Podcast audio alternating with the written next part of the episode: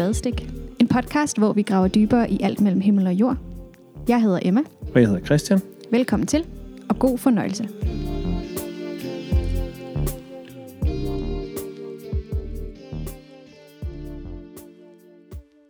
Velkommen til endnu en episode af Spadestik. Og i dag har vi simpelthen besøg af en meget særlig gæst. vi har nemlig besøg af Ulrik. Og hvis nu, at du har lyttet med til Spadestik meget længe, eller har været tilbage i vores episoder, og lyttet til nogle af de første, så har du nok lagt mærke til, at det ikke er mig, der har siddet der sammen med Christian, men Ulrik. Og Men han er, mig. ja, og nu er du simpelthen kommet med som gæst. Lige præcis. Det er virkelig dejligt. Og vi har egentlig hivet dig ind for at snakke lidt om at være kirke, og Mm. mm. om at skulle finde sin plads i kirken, om at kæmpe lidt med, hvad er en god kirke, og hvordan passer jeg ind. Mm-hmm. Øh, fordi du har en ret spændende historie med det. Ja. Og også er blevet præst. Det er simpelthen sket for et par måneder siden. Ja. Så der er en, der er, jeg tror, der er nogle spændende små historier, Mhm. du har at give os. Øhm, men allerførst, har du ikke lyst til ellers lige at præsentere lidt, hvem du er? Jo, der er jo nok mange, som kender min stemme fra tidligere. For nogle år siden var jeg med til at grundlægge det her podcast. Så jeg er simpelthen bare vendt tilbage.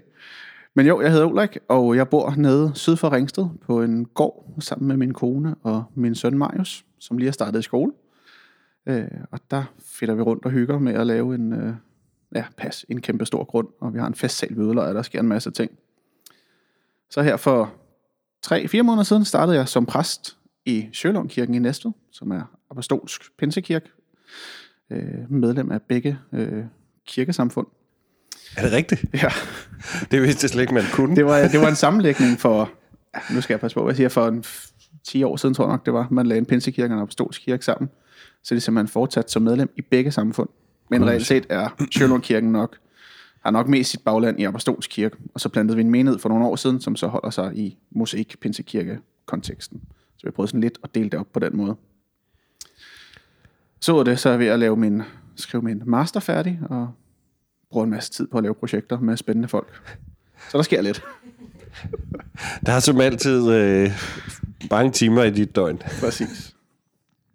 Ja. Men, og har du ikke lyst til også lige måske også sådan, derudover lige gerne give et ganske kort oprids over, sådan, hvad er ellers din kirkebaggrund? Og Jo, din historie med det altså jeg er jo sådan øh, apostoler af opvækst. Mine forældre havde med til at starte Skovbo Efterskole, og har altid været sådan meget involveret i apostolsk kirkes liv. Øh, samtidig har mine forældre også haft meget behov for at være ude og besøge en masse andre sådan kirkelige kontekster, hvilket betyder, at da jeg var junior og teenager, så var vi sjældent så længe i den samme kirke. Så jeg har simpelthen både kommet i alt fra folkekirke og oasemenigheder til baptist og pinse, og vi har prøvet nærmest alle kirkelige kontekster gennem min opvækst. Øh, og det, øh, det har altid været, det har altid synes har været enormt interessant at se den sådan bredde og vari, hvad hedder det, varians, der er i, øh, i danske kirker, og den måde, man laver kirke på forskellige steder. Da jeg så ligesom selv skulle finde mig et eller andet kirkeligt øh, bagland, så endte jeg jo selvfølgelig i Apostolsk Kirke. Øh, det gør man jo, når det er der, man er vokset op. Øh, og min kone og jeg er begyndt at komme op i Lyngby, og var der i mange år. Øh, og da senere i vores liv, så begyndte vi så at komme ind i Amagerbro Frikirke, hvor jeg i, i mange år også øh, var med i det her sådan præsteaspirantforløb, som er et forløb, man har i Apostolsk Kirke for unge, som gerne vil være præster.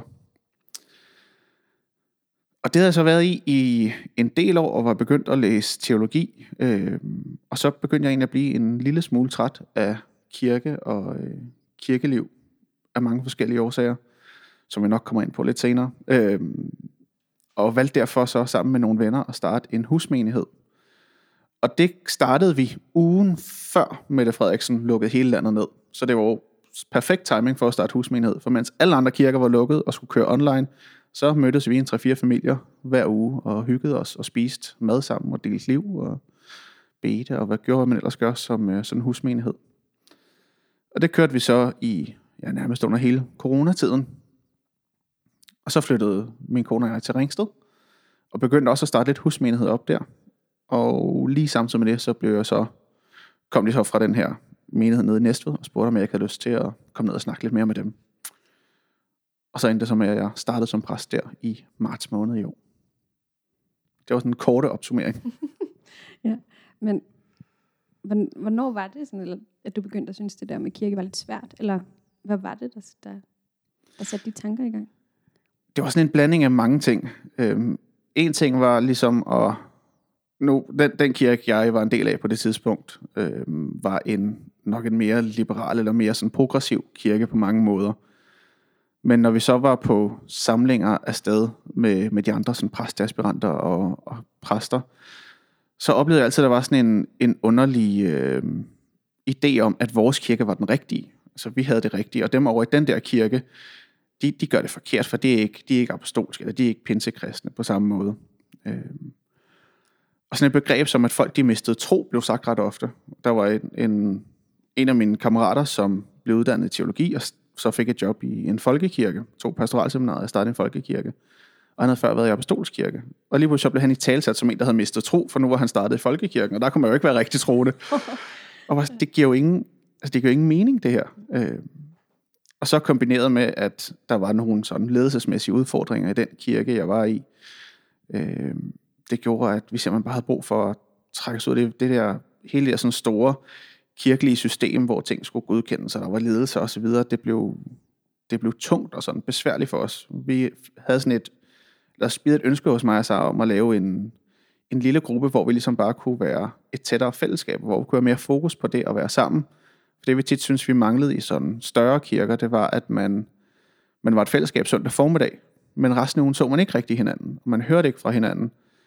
Og hvis man var syg, eller hvis man havde det svært i en periode, så, så var det heller ikke så tit, der var nogen fra kirken, som, som tog fat i en, eller så man noget væk. Men når så man kom tilbage efter et halvt år, hvor man ikke havde været i kirken, så var det sådan, nej, det er dejligt at se dig igen. Og jo, men vi har faktisk været igennem en svær periode, hvorfor var der ikke nogen, der så det?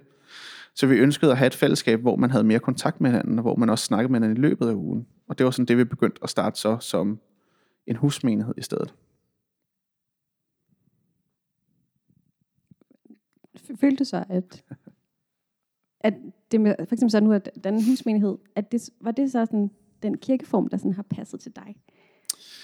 Var det sådan det ideelle så? Nej. jeg tror ikke, der er noget... Øh, det er jo det, der er svært. Der er nok ikke noget kirke, som sådan i bund og grund er helt ideelt. Det, vi oplevede som meget positivt ved at lave en husmenighed, det var, at vi havde et, et, et tæt fællesskab. Altså vi virkelig var gode venner med dem, vi var sammen med. Og vi også havde et meget sådan, kan man sige, mobilt fællesskab. Det var nemt for os at sige, på søndag, så i stedet for, eller nu var det lørdag, vi mødtes i vores husmenighed der, så sige, i stedet for så på lørdag, i stedet for at mødes her og være sammen, så går vi en tur op i den lokale park, så tager vi noget mad og noget kaffe med det op og snakker med nogle folk. Eller vi går ned og hjælper til i suppekøkkenet, eller vi gør et eller andet, altså gør nogle af de her ting, som kan være ret svære at gøre som en menighed, fordi man kan ikke sådan lige mobilisere, at 100 mennesker går ud i et suppekøkken en søndag, i stedet for at sidde og lytte til en prædiken. Så vi brugte ligesom vores fællesskab lidt mere aktivt i husmenigheden. Det, der så bliver en udfordring, når man laver en husmenighed, det er, at man også meget får skabt et ekokammer af folk, som man er meget enige med, og folk, som, øh, som ligner en utrolig meget. Og det, der er fantastisk i en større menighed, det er jo, at man kan mødes på tværs af mange generationer, på tværs af mange politiske interesser og forskellige sådan livsverdener. Øhm, og det gør, at man måske også kan blive bedre til at udfordre hinanden, og man kan blive bedre til sådan at ja, udvikle øh, hinanden på andre måder, end man kan i sådan en lille gruppe, hvor man egentlig er enige om de fleste ting. Så nej, jeg tror ikke, husmenighed er heller ikke perfekt. Øh, stor organiseret kirke er heller ikke perfekt. Der er nok ikke noget kirke, der i virkeligheden er perfekt. Øh, nej. Det var meget negativt. Ja. Øh, hvem er det, der aldrig har sagt, kirken er en skøge, men hun er vores mor? øhm, det er vel i bund og grund det, du, du sætter ord på. Hvad, kan, Ja. kan, må jeg spørge, hvad, hvad så, altså hvis, altså, det er jo sådan den lidt, den lidt negative vinkel, og det har jeg jo ikke, øh, det har jeg jo ikke noget problem med, men hvis man sådan skal prøve at vente lidt om, altså, altså, selvom der er de her ting, vi kan finde ved kirken, som kan være besværlige, hvad er det så, der gør, at du bliver ved med at engagere dig i det? Ja, hvad er det, ved- der gør, at jeg bliver ved med at engagere mig i kirke? Jamen, det er jo, at jeg, jeg oplever, at der er noget enormt godt og sundt at hente i kirkelige sammenhænge. Der er noget det er jo det, man tit snakker om, at det tager en landsby og, og hvad hedder det, raise a child. Øhm, og jeg tror, for os alle, for alle os mennesker, så, så kræver det at have en landsby omkring os for at være menneske, altså for at leve. Det kræver, at vi har nogen, nogen, der er yngre, som vi kan være med til at opvækste, og vi har nogen, der er ældre, som kan være med til at opdrage os, og som kan hjælpe os frem. Øhm, så der er noget enormt sundt i at have den der, hvad man sige, den der udvidet kirkefamilie, som man har. Øhm, og det synes jeg, man skal holde fast i, hvis man kan bygge det på en måde. Og det er det, som jeg også gerne selv vil prøve med til at bygge som kirke. Øhm, men det er sådan nok ofte har kritiseret ved kirke, er jo den her sådan institutionaliserede del af kirken. Øhm, hvor man kan sige, at der er der er jo to dele af det at være en, en institutionaliseret kirke. Det ene er jo sådan hele den her strukturdel, at der skal være noget... Vi lever i en, i en byråkratisk og juridisk verden, og derfor bliver der nødt til at være en kasser, som tager imod pengene, som folk betaler til at støtte kirken.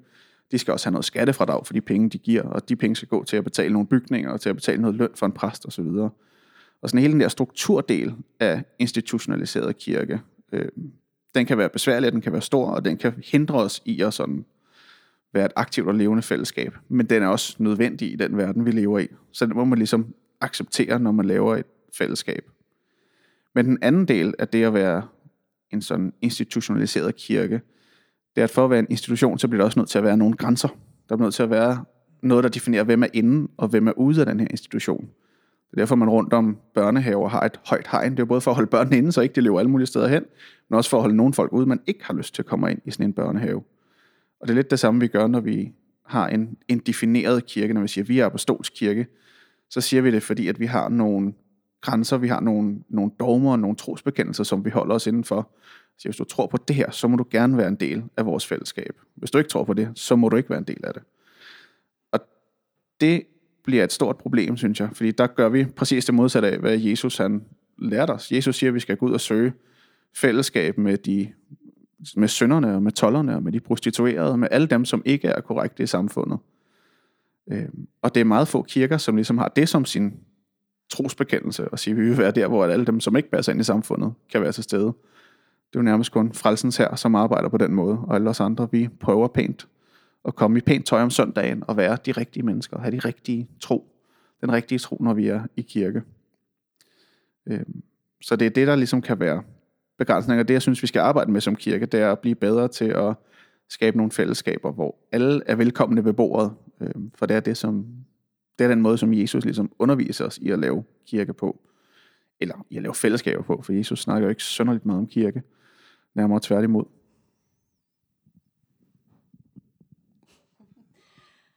Ja, men når du snakker om de der ting netop om her med, med tro og med kirke og institution og Tror du også nogle gange, at, det, at det der med at være i kirke også kan gøre, at det kan være svært at tro, fordi man måske kan have svært ved at, at forene de to ting? Er det noget, du sådan, synes, du, du ser rundt omkring, eller har oplevet? Ja. Du lige nævnt det lidt, men... Ja, det, det, det oplever jeg. Øhm. Jeg tror på flere måder kan det være besvær, eller kan det sådan i virkeligheden føre folk væk fra tro og være i kirke. Det kan selvfølgelig også gøre det modsatte, men for sådan lige at tage den negative del først. øh, så, så er der mange for hvem, at man måske har en forståelse af Bibelen eller tro, som ikke passer ind i nogen sådan rigtig kirkelig kontekst. Og så bliver det nemmere at blive derhjemme og være, ligesom, være kristen alene i sit eget hjem. Øhm, men det tror jeg ikke er en særlig sund måde at leve på. Jeg tror, det er sundere at være en del af et fællesskab. Og det der problemet er jo, at man så som kirke øh, siger, du passer ikke ind i vores kontekst, fordi vi tror sådan her, og du tror sådan der. Og det kan vi ikke forene.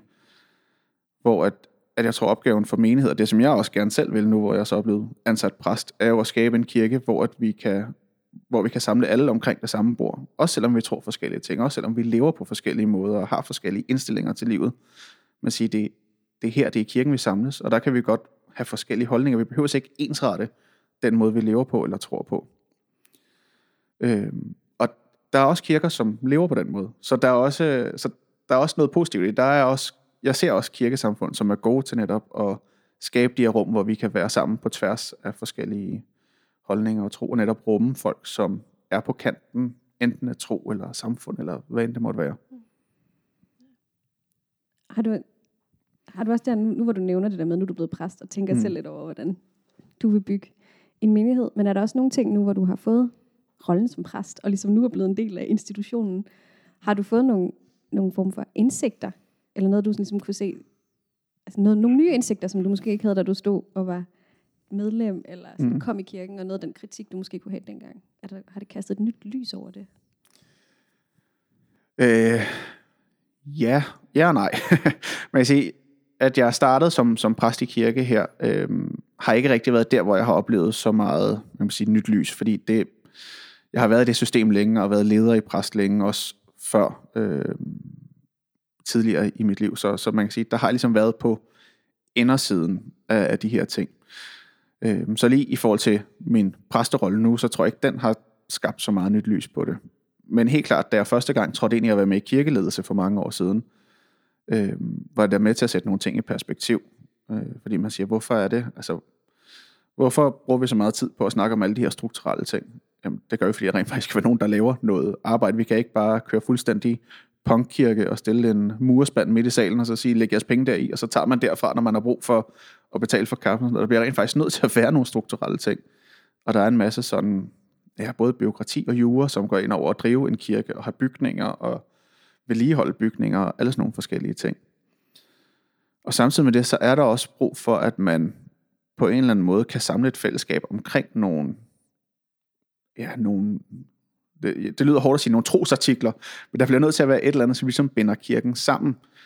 Øhm, for ellers så, øh, så bliver fællesskabet meget sådan diffust, og så ender man med at være sådan små grupperinger i kirken, der så, så sidder vi herovre med vores teologi, og der sidder nogen derovre med deres teologi, og så bliver der sådan lidt mere interne stridigheder. Så man bliver også nødt til at have et eller andet fælles, man ligesom kan kigge mod som kirke.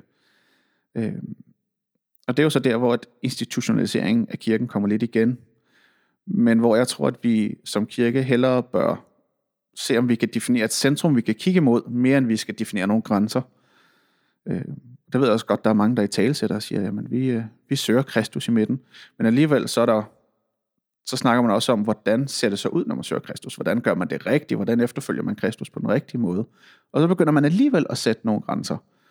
Øhm, og det er, hvor jeg synes, vi som fællesskab skal være meget stærke på at se et... Øh, se en, en sådan pluralitet i den måde, vi lever på, og at vi godt kan komme til Kristus fra forskellige sider. Øh, og der ikke er sådan... Vi kan ikke definere, hvordan det ser ud, når folk de følger Kristus. Øh, det er der mange... Øh, jeg læste en forfærdelig bog som en del af mit studie, som en del af min masteruddannelse, som handler omkring ledelse i kirke, hvor de siger, deres hovedpoint er, at for at være en leder i en pentakostal kirke, så skal man være fyldt med helligånden. Man skal være døbt med helligånden. Og så går de ellers i gang med at liste forskellige sådan måder, hvor man kan være sikker på, at en leder er fyldt med helligånden. Som ligesom har sådan en checkliste, man kan gå igennem med folk. For hvis ikke de er fyldt med helligånden, så vil den kirke jo falde fuldstændig fra hinanden. Og det er jo, og for det første er det jo rent nonsens at begynde at sætte nogle definitioner op for at sige, hvornår er du rigtig frelst, hvornår er du rigtig troende. Øhm, men for det andet, så gør man det igen, hvor man siger, at vores kirke, vi søger Kristus. Altså, vi har et fælles midte. Vi har ikke nogen grænser, men alligevel så skal du lige huske at komme ind fra den her side, når du søger Kristus. Du kan ikke komme over fra den modsatte side. Du skal gå ind den her vej, når du søger Kristus. Og så sætter man alligevel en eller anden afgrænsning op for, hvordan er det, vi er rigtig kristne og rigtig troende. Og det, det ser jeg helt klart kan være med til at skubbe folk væk fra deres tro.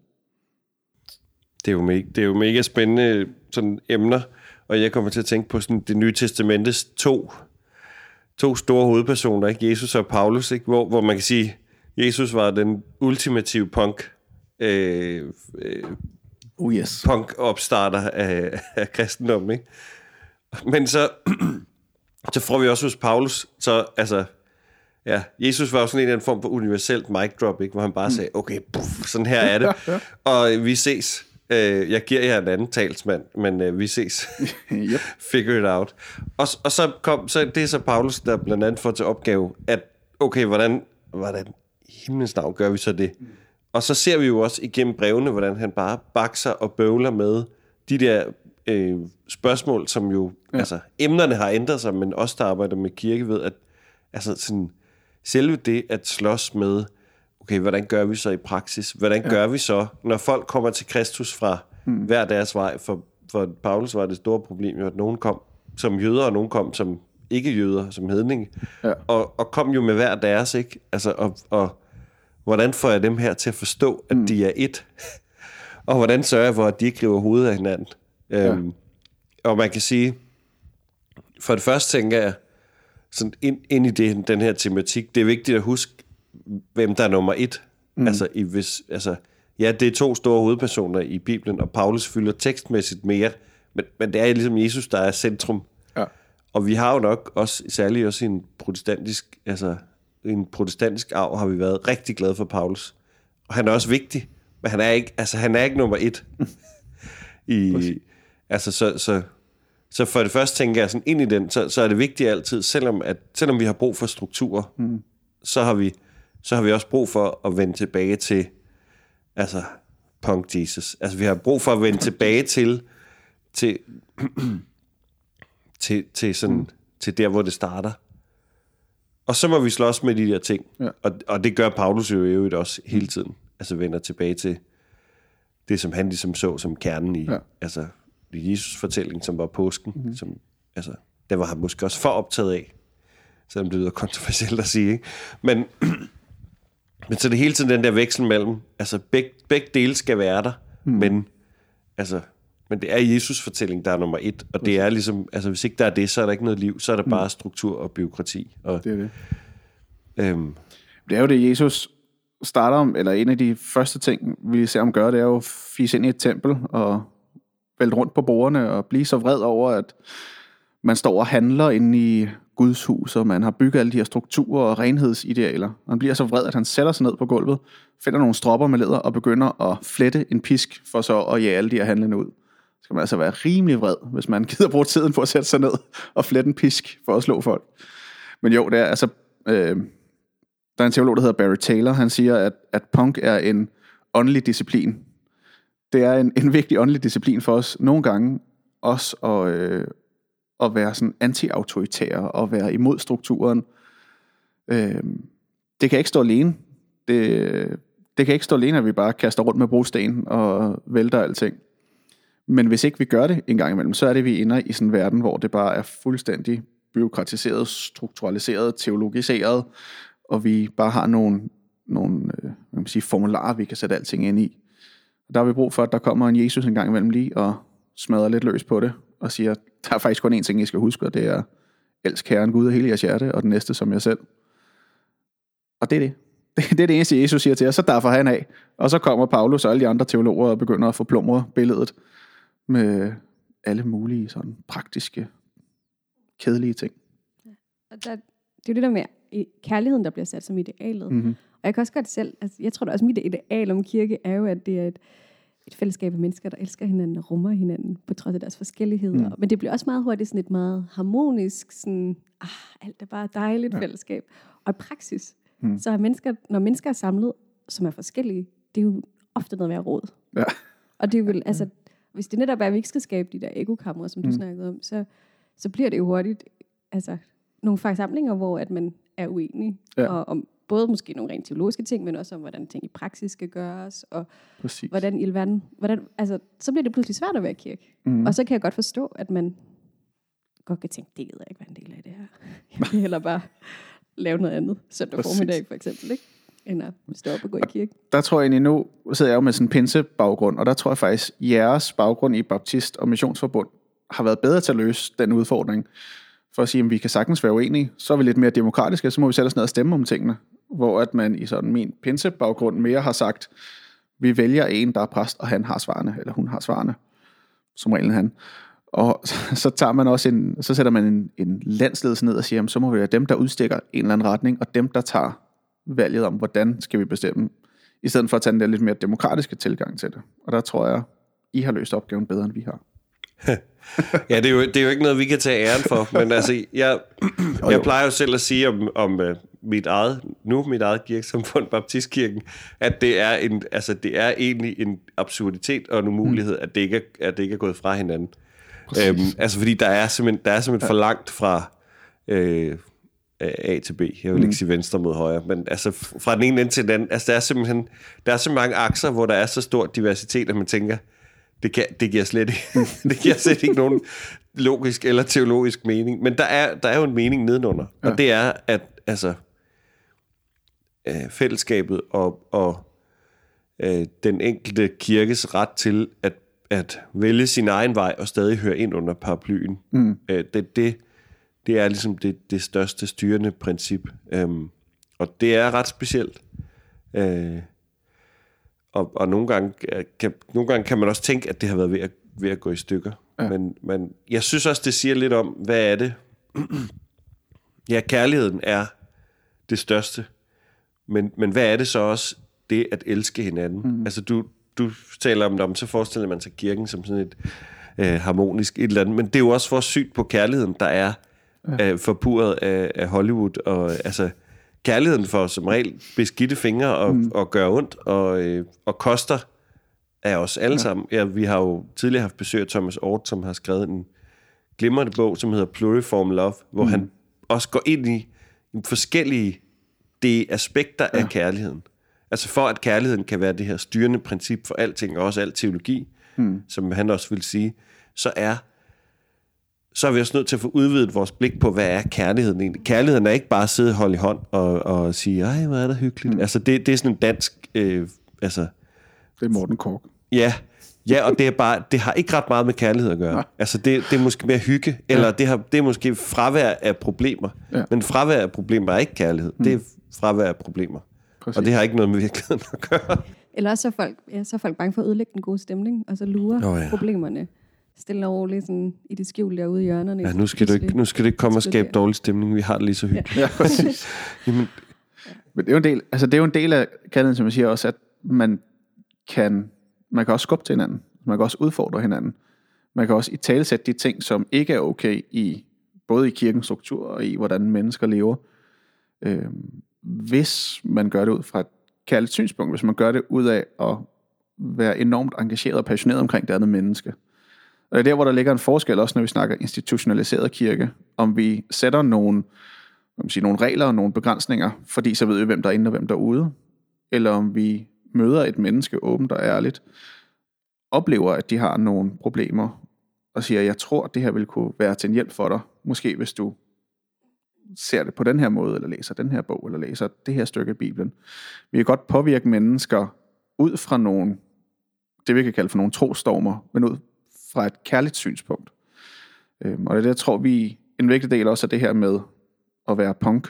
Jesus er jo også at man må sige, tage nogle af de her begreber igen, som er blevet forblomret gennem tiden. Blandt andet sådan noget som, som at lave nogle trostormer. Jamen det er faktisk det er enormt værdifuldt for mange mennesker, som ikke bruger hele deres dag på at sidde og læse tunge teologiske bøger, som nogle af os gør. Øh, der er det enormt givende for dem at have nogen, som kan måske ikke give dem et svar, men sætte dem i retning af, hvordan de skal tænke over nogle ting, eller hvad de skal overveje. Og det er der, hvor at nogle tros dogmer egentlig kan have en positiv effekt. Det kan godt være en positiv ting at sige, her i kirken, der tror vi sådan her og sådan her, ud fra nogle forskellige ting, fordi det kan hjælpe folk, som ikke øh, enten har muligheden for, eller gider at bruge hele deres tid på at sidde og tænke over tunge teologiske emner, til ligesom at få dem rettet ind på en vej, hvor de også kan få noget positivt ud af det. Men hvis vi gør det for at definere os selv, og for at sætte vores grænser, og for at sikre os, at de forkerte ikke kommer ind, så er det ikke ud af et kærligt perspektiv. Hvis vi gør det, fordi vi kan se, at det her bidrager til, at mennesker blomstrer, og til, at mennesker udvikles, og de bliver mødt kærligt og åbent af det, så kan det have en positiv effekt. Tænker jeg.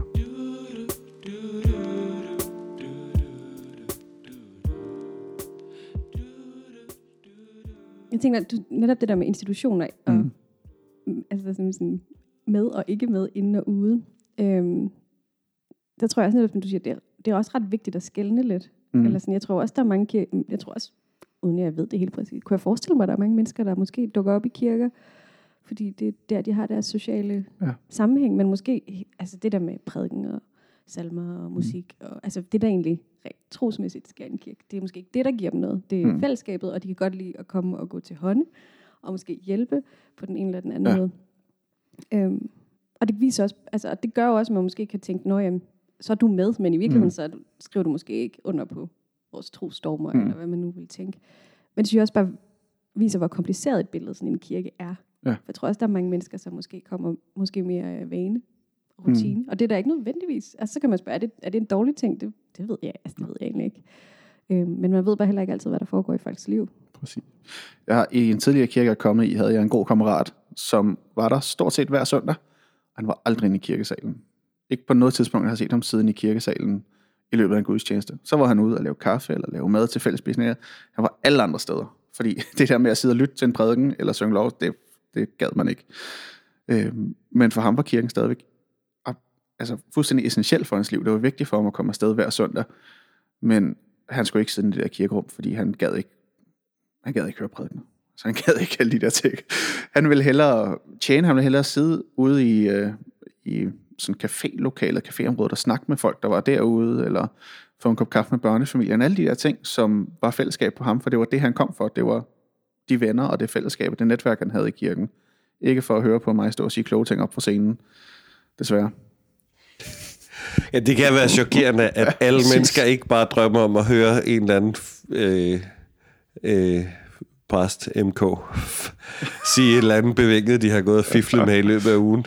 Det, er det kan være simpelthen chokerende, at det ja. ikke er folks højdepunkt på hele ugen. Det er det. jeg, jeg tænker på, der, der er jo, altså, det der med at være inde og ude, det, det lyder som om, at det sådan er øh, centrum af også nogle af de ting, du har haft det svært med i kirken.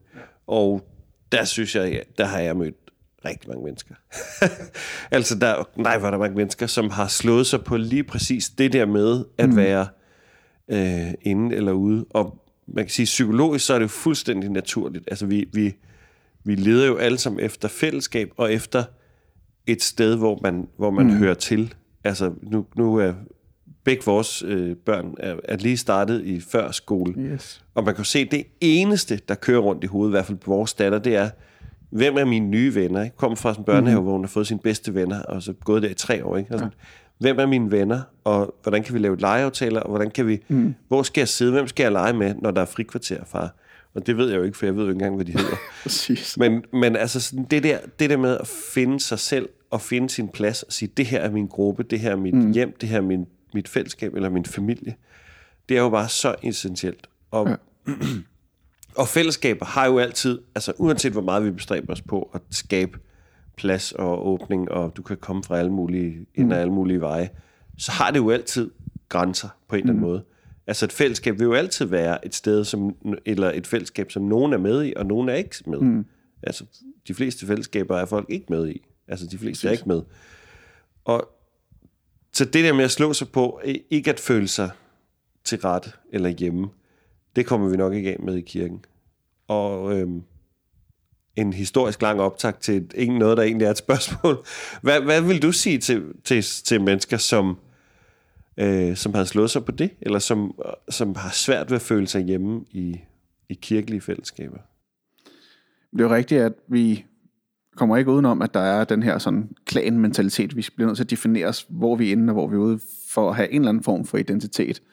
Og det er fuldstændig meget, om vi er en motorcykelbande, eller om vi er en kirke, så er der altid, ligesom, er det også med rygmærkerne, eller uden rygmærkerne, eller hvor vi henne i det spektrum. Øhm, og jeg tror heller ikke, vi kan komme udenom, at der er nogle afgrænsninger. Altså der er ligesom, så snart vi har en kirke, så har vi en institution, vi har ligesom en eller anden afgrænsning af, hvem er det, der er her? Hvem er det, der er medlem? Det er bare sådan helt praktisk ting. Der er nogen, der er medlem, og nogen, der betaler tiende eller bidrag til den her menighed. Eller der har vi en afgrænsning. Øh, og så er der nogen, der bare kommer en enkelt gang, eller gæster osv. Og så kan vi bevæge os ind i alt det teologiske, hvor det vi står på alle de her teologiske emner. Og, og det er jo typisk der, hvor man vil slå sig, om man er pro det ene eller pro det andet, eller hvor man står henne. Øh, og nej, det tror jeg ikke, vi kan komme udenom men vi kan arbejde med det på en måde, så ikke vi øh, ødelægger menneskers liv, for at sige det på den, den brutale måde. Øh, fordi vi bruger rigtig meget tid på at fortælle mennesker, at de er forkerte. Og det, som Jesus han kom for at vise os, det var, at vi skulle fortælle mennesker, hvorfor de var rigtige. Og der er ikke nogen mennesker i det her liv, som lever et optimalt liv eller et perfekt liv. Øh, alle har folk, eller alle, alle folk har noget, som man går og kæmper med, og som man går og tumler med, og som man gør. Også selv os præster er ikke perfekte. Det er utroligt. Man skulle tro, at vi ellers var idealer, men det er vi ikke. Øh, og vi skal lære som fællesskaber, som kirke, og kunne støtte hinanden og i talesætte det i hinandens liv, uden at sige, du er forkert fordi, men at fortælle folk, hvorfor de er rigtige. Øh, og det tror jeg, der er en vigtig opgave i at lære. Så når folk de kommer og slår sig på vores kirker, så vil det meget ofte være fordi, at de bliver fortalt, hvorfor de er forkerte, hvorfor de ikke passer ind. Øh, der tror jeg, at vi skal lære at fortælle folk, hvorfor de passer ind. Og så gå derfra. Og så kan det godt være, at vi har nogle ønsker om, alt efter hvilken teologisk kontekst vi er i, eller hvilken kirke vi er. Det kan godt være, at vi har et ønske om, at mennesker skal leve deres liv på en anden måde, end de gør. Øh, det må man så igennem. Hvis man kan gøre det ud fra et kærligt perspektiv, hvis man gør det ud fra, at man rent faktisk mener, at der er noget blomstrende i det her, eller noget bedre liv, i at tale nogle dogmer ind over folk, jamen så må vi i talsætte det på en måde, som er positiv og som er kærlig over for mennesker. Men vigtigst alt er, at vi fortæller folk, hvorfor de er rigtige, og ikke hvorfor de er forkerte. Hvad, hvad sætter du som man sige, kernen i din måde at bygge menighed på? Så? Altså det har du nævnt mm. lidt igen, men sådan, hvad, vil du lidt flere ord på det? Ja, øh, det vigtigste for mig i at bygge en menighed, det er at skabe et fællesskab. Det er der, hvor vi skal, vores menighed skal være. Øh, så nu er jeg kommet ind i en kirke, og der er selvfølgelig rigtig mange forventninger til, hvad der skal foregå sådan en søndag formiddag blandt andet, hvor de fleste jo ligesom har kontakten med menigheden til sådan en gudstjeneste. Øh, der er altid et eller andet ideal om, at der skal være en prædiken, og der skal være noget lovsang, og alle de her ting. Og der ønsker jeg at prøve at bygge gudstjenesten op på en måde, så vi selvfølgelig kan have alle de der traditionelle elementer, men også have rigtig god plads til at bygge et fællesskab, og have fællesskabet i centrum. Rent praktisk for mig, så betyder det, at jeg arbejder med at gøre gudstjenesten øh, både mere interaktiv, altså så det bliver mulighed for at nå at snakke sammen og drikke noget kaffe i løbet af en gudstjeneste, så man ikke bare sidder og kigger op mod en skærm eller mod en scene. Øh, men også at tænke noget, jeg har lyst til at kalde det arkitektur ind i det, tænke noget arkitektur ind i, hvordan vi laver kirke. For mange af vores kirker er indrettet på den måde, at man kommer ind i en sal, sætter sig på en stol, og så kigger man fremad mod en, øh, en scene, og så skal man altså bare sidde der i en time, halvanden, to timer, alt efter, hvor man lige er henne. Øh, og det er meget få mennesker, det egentlig tiltaler. Vi er nogen, der er opvokset i det, som er blevet vendet til det, eller som er oplært i at gå i kirke på den måde. Men for langt de fleste mennesker er det en unaturlig ting. Bare at sætte sig ned og lytte i en time eller to timer. Det er vores hjerner ikke programmeret til. Der er ikke noget i os, der er programmeret til. Så derfor skal vi også have gode, det jeg kalder for afkørselsarealer i vores kirke. Altså have, have god plads til, at der, når man har et barn, som har brug for at blive aktiveret, eller man skal ud og amme, jamen så skal man kunne være stadigvæk på en måde, hvor man er en del af salen, uden at, eller en del af fællesskabet, der er i salen, uden at man sidder op forrest og føler sig som beklemt ved, at man lige pludselig har et barn, der skal ammes. Og hvis man er en person, der måske har noget mere koncentrationsbesvær, så skal man jo også have mulighed for, at man kan rejse op og gå lidt rundt, man stadig føle sig som en del af fællesskabet, uden at man har brug for at gå udenfor eller nedunder, eller over til en anden bygning for at gå ind i en eller anden café, hvor man så ikke kan være en del af fællesskabet længere. Så jeg tror, vi skal, det jeg gerne vil, det er at bygge en kirke, hvor vi både reelt set, altså hvor vi har et fællesskab med hinanden, men også hvor at vi opbygger vores gudstjenester, vores arkitektur, så vi hele tiden taler fællesskab ind i det, og vi ikke bare prøver at strømligne mennesker, så de alle sammen skal opleve gudstjenester på den samme måde hver søndag efter søndag. Men altså, kan der egentlig være nogle fare ved, at vi er så fællesskabsfokuseret, når vi tænker kirke? Jeg tænker, det er jo netop, når man hører mennesker, der taler om, at de har slået sig på kirken, så det er jo typisk ikke hmm. nødvendigvis kirken som institution, eller kristendommen, de har slået sig på, men mennesker. Hmm. Så er der, kan vi også nogle gange på en eller anden måde komme til at, at glemme, hvad det hele handler om, hvis vi er så fokuseret på menneskeligt fællesskab? Tror du? Ja. øh, det er et svært spørgsmål. Jeg tror, så hvis vi sætter, hvis vi sætter Jesus' Jesu eneste bud i centrum, elsk Herren hele dit hjerte, den næste som dig selv, øh, så vil det naturligt afføde, at vi sætter fællesskabet som noget af det vigtigste. Øh, men det er rigtigt, altså kig på familier, juleaften og så videre, det er jo der, hvor der opstår store konflikter i familier. Det er fordi, man lige pludselig bliver nødt til at være sammen. Øh, hvad skete der under corona? Alle familier skulle lige pludselig være hjemme sammen hele tiden, både børn og alting. Så begyndte man at købe sommerhus og alt muligt andet, bare for at få et eller andet sted, hvor man kunne trække sig tilbage og komme væk. Vi købte en stor gård, blandt andet. Der var også masser af plads. Ja, og det er sjovt faktisk. Altså, det kan godt være, at det bare er altså sådan anekdotisk statistik, mm. men jeg synes, jeg kan se i min omgangskreds og store netværk, øh, nu er jeg også lige en, en skilsmissemoden alder midt i 30'erne, ikke? Mm-hmm. når folk har været sammen en del år. Der går nok mange, der går fra hinanden for tiden. Ja. Og det troede vi jo ville ske lige efter den første coronanedlukning. Mm. Så var folk blevet... Men altså, det, hold da op. Det, det kan godt være, det er bare fordi, jeg lige når den alder, hvor at man bliver skilt. Altså, ja. Og man ved jo godt, at 50 procent af alle parforhold, altså alle ægteskaber bliver til skilsmisser. Mm. Sådan cirka. Men jeg synes godt nok, det, det er meget lige nu. Og jeg tænker på, om det også... Altså, netop også er udtrykt for det der med, at man har blevet tvunget til at være mere sammen. Ja. Og det har for nogen været en for svær udfordring. Ja, det tror jeg.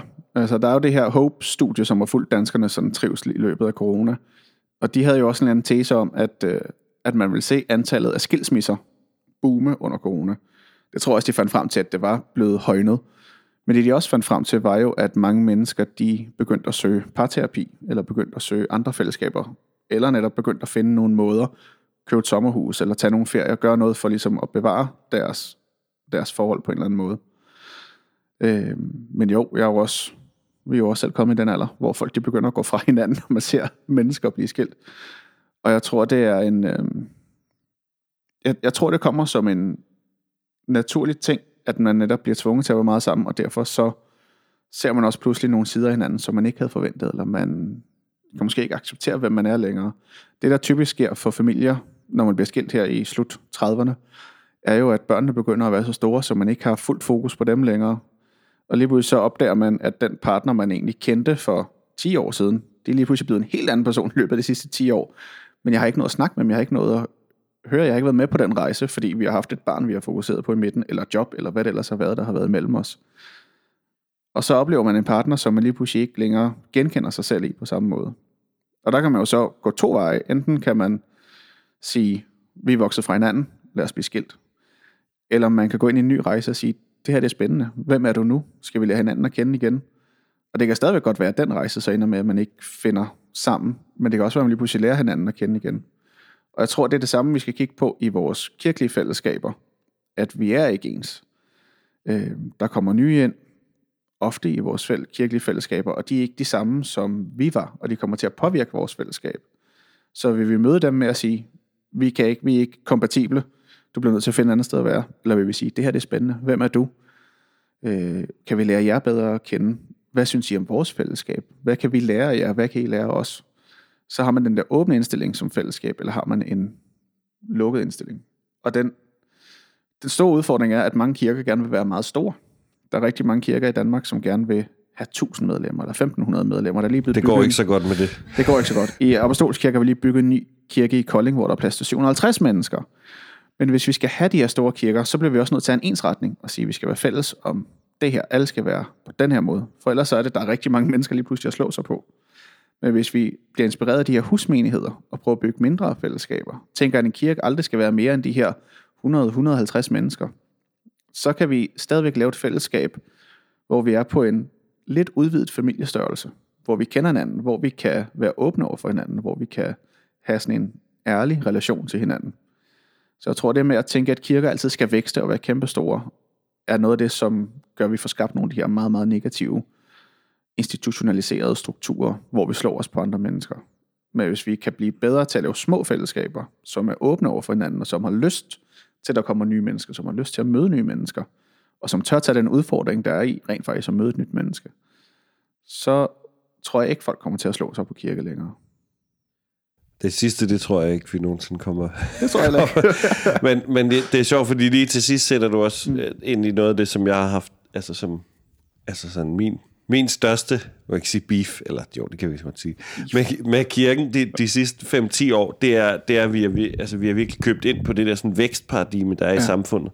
Altså jeg, altså sådan ude i den store verden er der, er der en del snak om det der med ideelle kirkestørrelser, sådan mm. på baggrund af alle mulige skandalesager fra nogle af de der megakirker, oh, yes. hvor man så har strukturer, der dækker over øh, overgreb og altså mennesker med, og også typisk mænd med meget magt, som så misbruger det, eller keder sig, eller hvad det nu er. Har Hvorfor er det altid mændene? Ja, det ved jeg ikke. Nu kan man sige, at vi har, vi- det, er alt, det har jo historisk altid været mænd i magtfulde positioner. Så når vi får løst ligestillingsproblematikken, så kan det være, at vi finder ud af, om kvinder latent har en lidt bedre moral, eller om de faktisk er Vi kigger til dig, Emma. Emma, vi må se. Men, men jeg synes jo, vi er jo gået fuldstændig ind i det mm. vækstparadigme om, at større er hele tiden bedre. Sandt. Og det der er, kan man sige, når man begynder at, at også altså, udleve kirkens fællesskab på den måde, mm-hmm. så, så bliver man jo også nødt til at opføre sig som en, som en virksomhed. Og virksomheden beskytter altid virksomheden. Mm. Virksomheden altså, altså, skiller sig altid af med, med, med uvelkomne elementer. Ja. Og en virkelighed, virksomhed skal jo være i en eller anden grad ret strømlignet og have mm. en vision, et mål, og vi skal alle sammen arbejde i den her retning. Og i den her virksomhed, så arbejder vi med den her form for struktur, om det er det ene, eller jeg er ikke så meget virksomhedsledelse, men altså, der findes jo forskellige modeller, og vi leder, vi kører meget med teams, eller vi kører meget Mm. med det der, og, og hvis man begynder at, at, at operere sådan i kirken, så skal man i hvert fald være, altså holde sig for øje, at man husker, at altså, det, er ikke, det er ikke væksten og, og det, at altså, virksomheden skal blive større og tjene flere penge, det er ikke det, mm. som er målet. Målet mm. er elske Gud og elske mennesker. Ja. Og i perioder kan det være, at, at det gør kirken mindre. Mm. Og, øhm, og det tror jeg så sandelig også, der er mange mennesker, der har slået sig på. Det er jo så det, der ja. viser sig, og vi får, har sikkert også vores historie i Danmark. Og det kan helt sikkert også ske i små kirker, så jeg tror heller ikke, det. Men, men der vil jo være, jo mere strømlignet, Mm. jo, jo mere udfordret bliver du netop på det der med øh, plads til diversitet og, ja. og plads til, at man kan komme til, Mm. til centrum, til korset, fra ja. forskellige vinkler. Fordi, ja, det er bare en udfordring. Præcis. Det var igen en meget lang oplæg, uden noget spørgsmål. Der var ikke noget spørgsmål den her gang. Det var fordi, sidst der svarede du ikke rigtigt på spørgsmål, så jeg tænkte, nu siger jeg bare noget. Jeg, jeg tænker måske også, det er meget fint lige at, at bemærke, at nu sidder vi jo her, tre mennesker med en, altså, når vi snakker kirke, så er det jo ligesom, at vi har en meget sådan frikirkelig kontekst mm-hmm. at snakke ud Ja. fra. Ja, vi ved ingenting om folkekirken. Øhm, nej, men, men der tror jeg også, at, at det er også vigtigt at huske, at man kan sige, det er måske også en type, nogle mennesker, der søger noget i en kirke, der søger frikirkerne. Mm. For jeg ved, at for nogle af dem, nu læser jeg teologi, og der er jo masser af folkekirkefolk, og for, no, dem, der, altså der er, for nogle så er det rigtig rart at kunne komme ind i et stort kirkerum, sætte sig ned, Ja. synge, få en prædiken, altså få nadver Mm. og gå igen. Og for dem så er det ligesom den opladning, de har brug for Ja. til at komme ud i deres, i deres liv og deres hverdag. Men de, altså, der føler de et kæmpe gudsnærvær. Præcis. Og der tror jeg også, det er vigtigt, at, at når vi ligesom snakker kirke, vi også husker, at altså, selvfølgelig kan man have den der store snak om, hvad er kirken, og hvad skal Mhm. kirken kunne, og sådan nogle ting, men, men der er også bare så for mange forskellige mennesker. Og, og for nogen, der vil måske det der med at komme og skulle sidde og snakke med nogle mennesker under en gudstjeneste være dybt intimiderende. Ja. Så vil de faktisk foretrække at, at få Mm, lov at komme ind og høre en prædiken og gå igen. Øhm, så det er også bare for at sige, det er ligesom den kontekst, vi snakker ud fra, at vi er vant til de der meget sådan fællesskabskirker. Og det er jo ikke for at ligesom sige, at så er folkekirken en ting, fordi det er der også i folkekirken. Men der er også nogle steder, hvor at det kan være nemmere. Ja. Jeg har også nogle gange sådan, det der, mange gange nemmere for mig at træde ind i en folkekirke og sætte mig og gå igen, end det er at træde ind i en frikirke, som ikke er min egen, fordi jeg ved, at der vil nogle mennesker komme hen og sige, hej, og hvem er du? Og sådan, jeg sådan det, jeg, jeg vil faktisk måske bare gerne have lov at gå igen. Ikke? Ja. Øhm, og det tror jeg også er vigtigt at huske. Øhm, at vi måske også kan komme til at tænke, at mennesker skal ja. ville det menneskelige fællesskab for at være en del af en kirke. Fordi det er ikke nødvendigvis det, som altid er det eneste. Der er også noget, mm. der er jo noget Gud også et sted. Du har helt ret. Altså, vi sidder jo med hovedsageligt en frikirkelig baggrund. Mm. Men det passer jo ikke helt, at vi ikke kender folkekirken, for jeg har jo i mange år også arbejdet som konsulent i nogle folkekirker. Så jeg kender også det sådan ret indgående. Og det, som jeg synes, der er fascinerende, er jo netop, at folkekirken kan noget andet, end frikirkerne kan. Øh, nu kan vi hurtigt komme til at starte en, en helt ny snak, men det tror jeg, vi skal undgå. men, men det, som jeg ser i nogle øh, af de, de mere velkørende folkekirker i de store byer, øh, det er, at de kan have mere end næsten op mod 1000 forskellige mennesker igennem på en uge. Øh, og det kan vi ikke i nogen folkekirker. Og det er nye mennesker, man ser. Frikirker, undskyld. og det kan vi ikke i nogen frikirker. Og det er nye mennesker, man ser gang på gang på gang. Hvad end det så er igennem konfirmationer, eller barnedåb, eller folk til højmesser om søndagen, eller alle mulige andre aktiviteter, babysalmsang, alle sådan nogle ting. Folkekirken har virkelig præsteret at lave en kirke, som møder rigtig, rigtig, rigtig mange mennesker, øh, der hvor de er i deres liv. De har så måske i stor grad fejlet på at lave et fællesskab og en menighed, som kan samles og være med gang på gang. De eneste ligesom genganger, der rigtig er i mange folkekirker, det er menighedsrådet, som, eller de frivillige kirker, som har en meget lille sådan gruppe af mennesker, man vil definere som menighed. Og samtidig så kigger man på hele sovnet og siger, at det er vores menighed, men de kommer bare måske en gang om året til et eller andet tilfældigt arrangement. Så der er, det er rigtigt, der er nogle ting, man kan gøre bedre i folkekirken, ved netop at have et rum, hvor man bare kan komme ind og sidde, høre en prædiken, synge nogle salmer, se sin nevø blive døbt, og så gå igen. Øh, hvor vi kan noget andet i frikirken ved at have et fællesskab, hvor vi rent faktisk kan mødes åbent og ærligt i relation til hinanden. Og det er måske et godt sted at slutte, fordi at, øh, altså man kan sige, vi, vi har jo vi har jo brugt noget tid også på at, mm. at kigge med lidt kritiske briller på, på kirken som sådan hele, og, og selvfølgelig ud fra de ståsteder, vi har hver især. Øhm, og så kan man jo hurtigt tænke, åh, de kan bare godt lide at sidde og pille ting fra hinanden. og det er fuldstændig rigtigt. Det kan vi nemlig godt. Øh, men det kan vi jo ikke, fordi vi godt kan lide at smadre ting. Det kan mm. vi, fordi det, vi synes, det er interessant at undersøge. Og vi kan det jo, fordi vi alle sammen, alle tre også sådan på hver vores måde, nu lægger jeg selvfølgelig lidt ord i munden på jer, men jeg tror, det er rigtigt nok, på hver vores måde også synes, at kirken kan noget. Mm. Og, vi, og vi er længes efter, at kirken må altså, udfylde sin opgave. Og ja. en af de vigtige pointer, jeg tager med mig også fra den her snak, er øh, også at dyrke, øh, hvad kan man sige, også sådan ligesom fejre mangfoldigheden i kirker. Mm. Øh, vi har faktisk her i vores kirke en gammel, øh, en af mine forgængere som, som præst, øh, som, som taler om, hvordan at enhver kirke skal være tværkirkeligt orienteret, Mm. Både fordi det er vigtigt i sig selv, og det er godt, fordi vi er en stor universel kirke. Vi, vi hører sammen os på tværs af kirkelige skæld.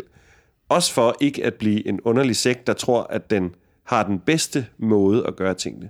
Mm. Men derfra, så skal enhver kirke faktisk dyrke og fejre sit, altså sit særpræg og sin måde at gøre tingene på. Mm. Fordi mennesker er så forskellige.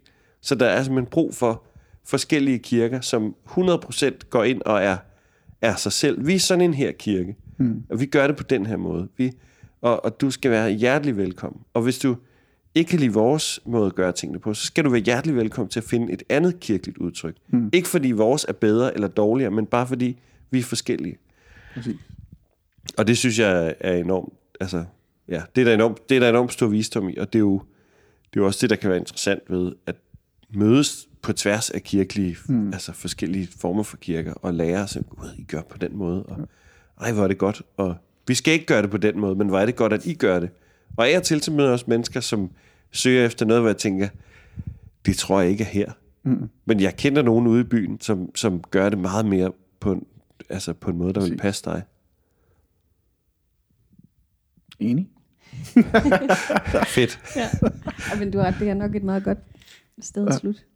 Der er sådan lidt opbyg, ja, opbyggeligt. Ja, vi, ja, ja, vi er ikke kun ude det skal, på Vi skal ikke have skudt, skudt i skoen, at vi bare vil dissekere og smadre. Nej. Præcis, præcis. Vi elsker at bygge. Præcis. Vi kan også godt lide at bygge op igen. Det er ja. det. Men også for at sige, at hvis, altså, hvis der sidder nogen derude, der lytter og synes, det der med kirke er svært, så er man i hvert fald ikke alene. Mm. Og det er måske bare sådan, det er for rigtig mange. Det betyder ikke nødvendigvis, at det er en dårlig ting.